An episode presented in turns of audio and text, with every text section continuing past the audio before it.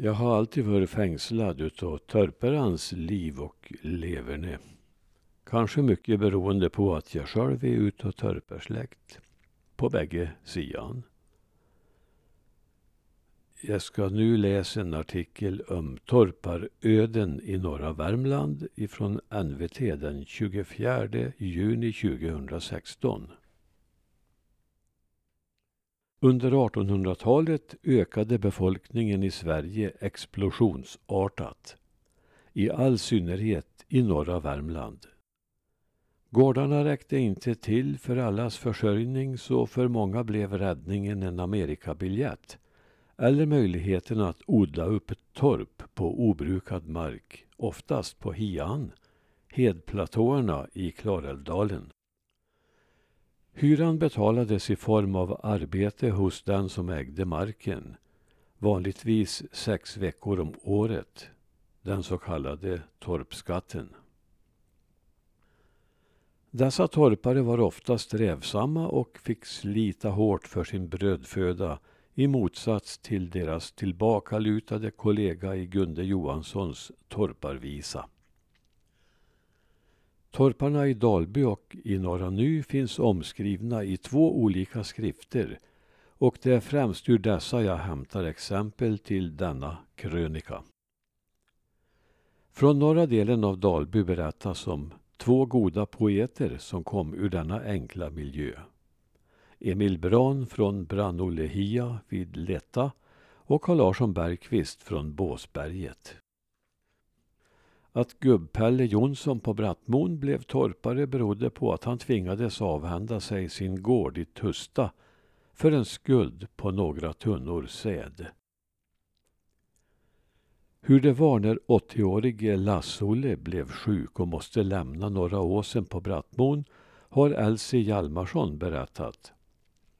Han skulle fraktas till sjukstugan i Långav men hade kvar sin humor trots svåra plågor. Han bad dottern lägga med extra fina kläder om han skulle träffa fina flickor där nere. Elsie skriver Han bars på en provisorisk bår ned till landsvägen. När vi kom nedanför grinden sa han till dem som bar honom Vill ni vara så snälla och vända båren? Jag vill se åsen en sista gång. Jag kommer inte hem mer, vilket han inte heller gjorde. Slut på citat. Vinter-Hinrik på Vinterberget öster om Brattmon träffade under en vistelse i Norge en kvinna som han lyckades få med sig hem under förespegling att han ägde två egendomar i Dalby. När hon kom fram till den jordkula han verkligen bodde i gav hon honom i rena ilskan ett kokstryk och åkte hem tillbaka. I en jordkula bodde också Wingfeldt August under tiden som han byggde sin torpstuga Södra Krokbacken i Ransby. Puken från Puktorp i Slättne hade fått för sig att han skulle hitta malm och höll på att gräva när Kare från Drängjönstorp kom förbi. När hon fick höra vad han höll på med sa hon Finner du malm där ska du få min röv till hytta.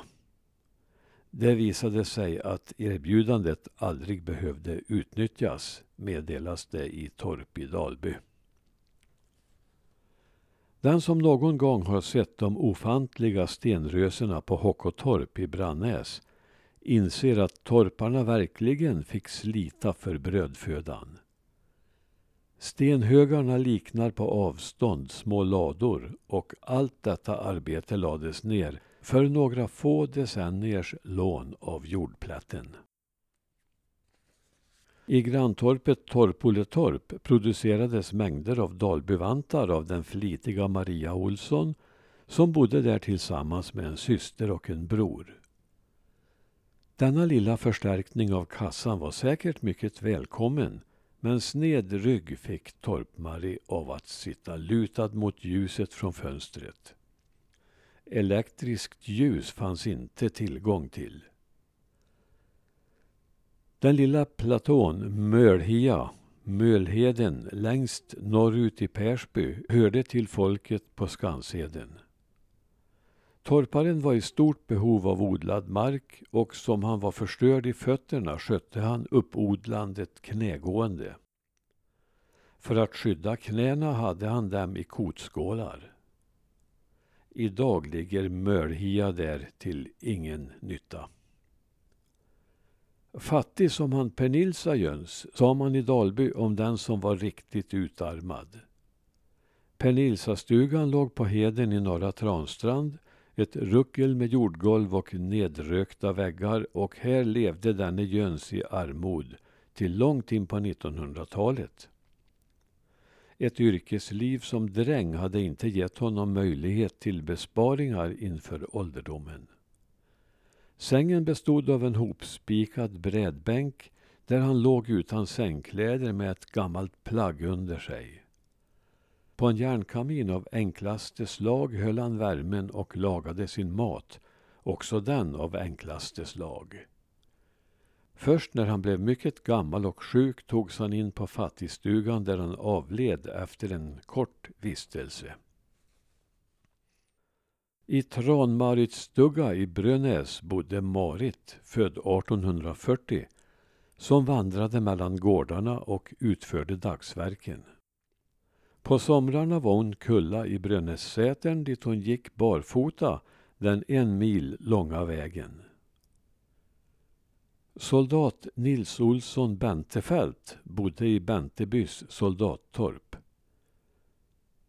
Om honom berättas att han var krigsfånge 1808 men kom till Stockholm året därpå. Han deltog också i kriget mot Napoleon i Tyskland 1813. När Göta kanal byggdes var han kommenderad dit. En mörk höstkväll när han var på väg hem från kyrkan drunknade han i Klarälven. På torpet Ambmyra i Ambjörby bodde Kajsa Nilsdotter Värme som utförde bragden att bära sin sjuklige son till läkare i Oslo. Hans benröta gick dock inte att bota och hennes käre August hamnade på sjukhus i Kristinehamn. Hjälpsamma grannar var torparepokens socialhjälp. Norstugomma i Munkebol fick på äldre dagar hjälp av skolbarnen i den närbelägna skolan med hämtning av ved och vatten. Hon blev 98 år och hennes enkla bostad liknade mest en koja. Den blinda Kerstin Petersdotter, född 1829, blev som 40-åring ensam på torpet Gommertäppa i Mjönäs sedan modern avlidit. Hon fick då hjälp av barn som byttes om att ledsaga henne då hon gick runt i gårdarna för att tigga mat. 1918 fick torparna rätt att lösa in marken och från 1943 var det inte längre tillåtet att ta hyra för mark i form av arbete. Torparepoken var slut. Jag har med en bildtext som innehåller lite information. Det är familjen Tyberg på Mattestorp i Brannäs med ett par gäster. Dagens exklusiva Mattestorp Village ligger på ljusårs avstånd från torparepoken då Anders och Marit Tyberg runt 1910 lyckades lämna torparlivet för en ny framtid som självägande bönder i Östra Fågelvik. När torparparet med sina sex barn, husgeråd och boskap väl kommit ner till Klarälven för att starta färden visade det sig att ingen ångbåt gick den dagen.